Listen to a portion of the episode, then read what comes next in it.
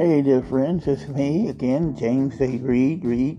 Really, my name is James A. Reed, but they added the Reed to it there, and I just left it because I like the sound of it.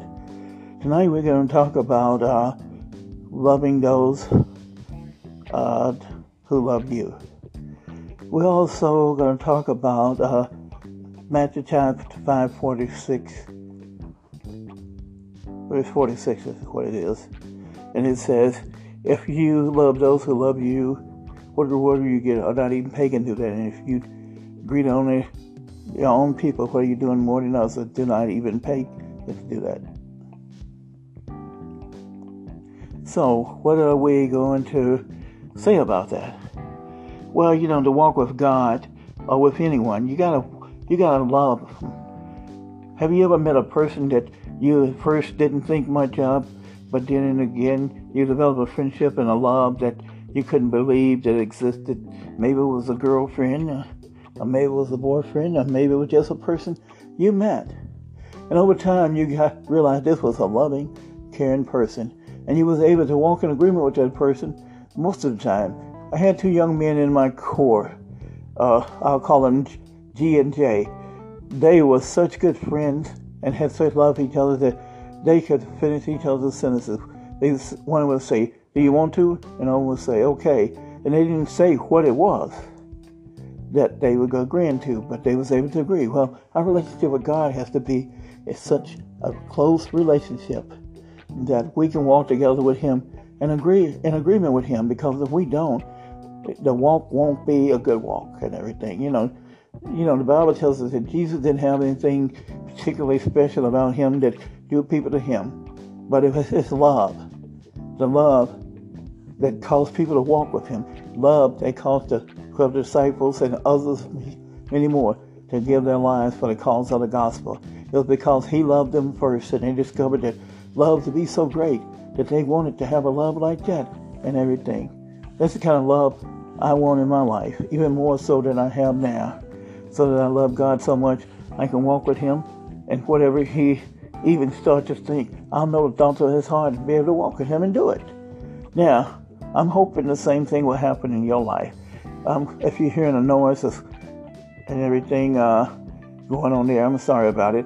This uh, I am using a I'm using a uh, cheaper phone, and I don't have the other equipment needed to go with it, so it's not as good as it could be and everything. I'm using an Android. Uh, of the earlier versions of an SJ7. Anyway, getting back to what I was talking about. In order to walk with anybody, you have got to love them. You've got to love the walk. You've got to love what's going on and happening in their lives and everything. Look at the loves that mothers and daughters that are really close have together. Why? Because they love to walk together, and sons and fathers and everything. And so we continue on this journey. You know, when I was a, you remember me mentioning in a past episode about growing up, in, been born in the city and growing up in the country. One of the things I loved doing in the country was go walking in the woods. I would walk in the woods, and I would stand there, and I would listen, and I loved the sound all around me. I would walk out and I would stand and I would look over the hills and I would wonder what was over there. And I would have a love of that adventure in my heart and everything. And sometime I would go I would go exploring, climbing over fences. But I'll tell you one thing, you climb over barbed wire fence the wrong way and it'll sort of dampen your desire to go uh, exploring again. But I used to do that and I used to walk the roads. I used to walk the railroad tracks. And I used to talk to God. And I used to enjoy it. On my way to work in the morning, God and I would have a love fest. I would love on him, he would love on me. And we know who won that contest the most. But as I grew over the years, I've grown to love him more. And even though I don't always understand what a journey is leading going, I can promise you this, my friend. The journey will have some good moments. There may be some tears. There may be some laughter. There may be some joy. There may be some sadness. There may be some pain. But the love will always be there. Don't give up on the love. Don't give up on the love. Don't just love your own people. Make sure you love God first, and most of all, love Him with all your heart, with all your soul, with all your mind, and with all your strength. And your neighbor is yourself. Because if you don't love your neighbor, how else are you going to love God? If you have not loved man whom you have seen, how can you love God whom you're not seen? And we do know him and we do love him.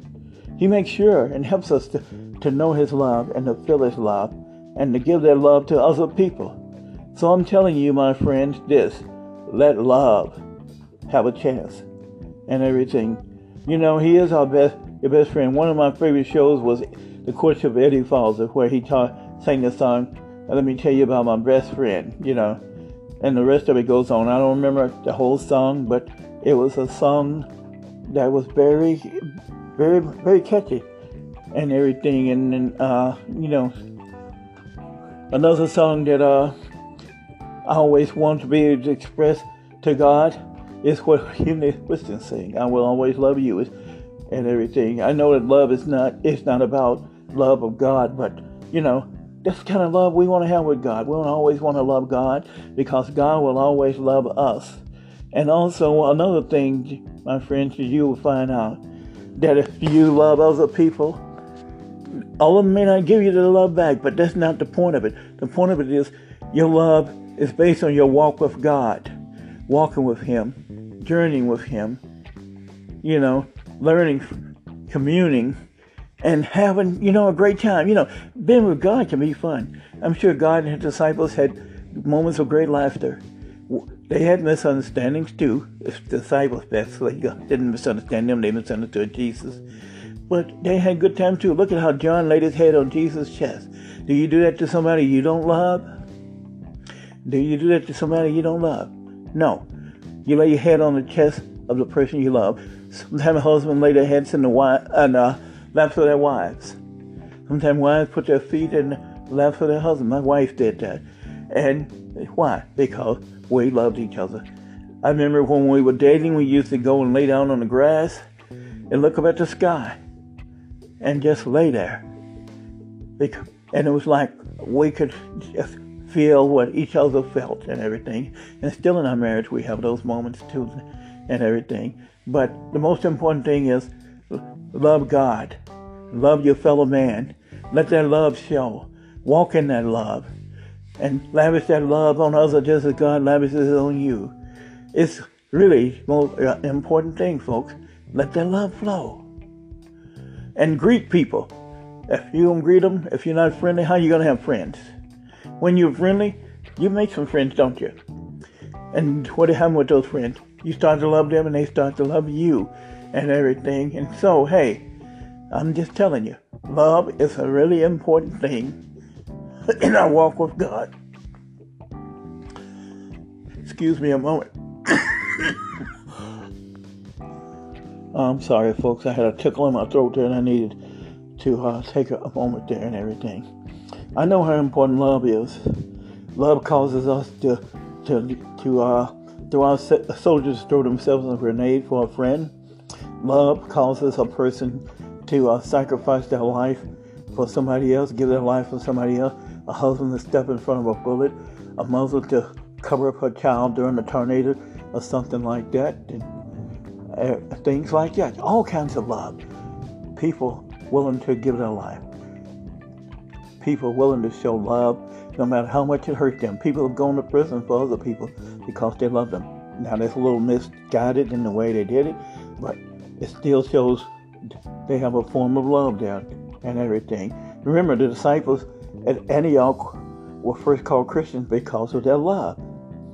Remember, Philadelphia, even though it's kind of gone weird lately, here in the United States, it's called a city of brotherly love. So, but the brotherly love that we want to have with Jesus, Jesus is our older brother. He's also, we're also his bride. We want to have that kind of love that's unfailing, unselfish, reaching out and grabbing a hold of others and not letting them go. You know, that's the kind of love that really brings about a difference in this world. It brings about a difference in whatever we're doing. If you love what you're doing, you love the one you're doing it with, you are going to have a great relationship and a great, all kind of great journey. So, brothers and sisters, may God will bless you and keep you. Dear Lord and Father, bless and keep our brothers and sisters in your love. In Jesus' name we pray, amen. So, good night, my friend.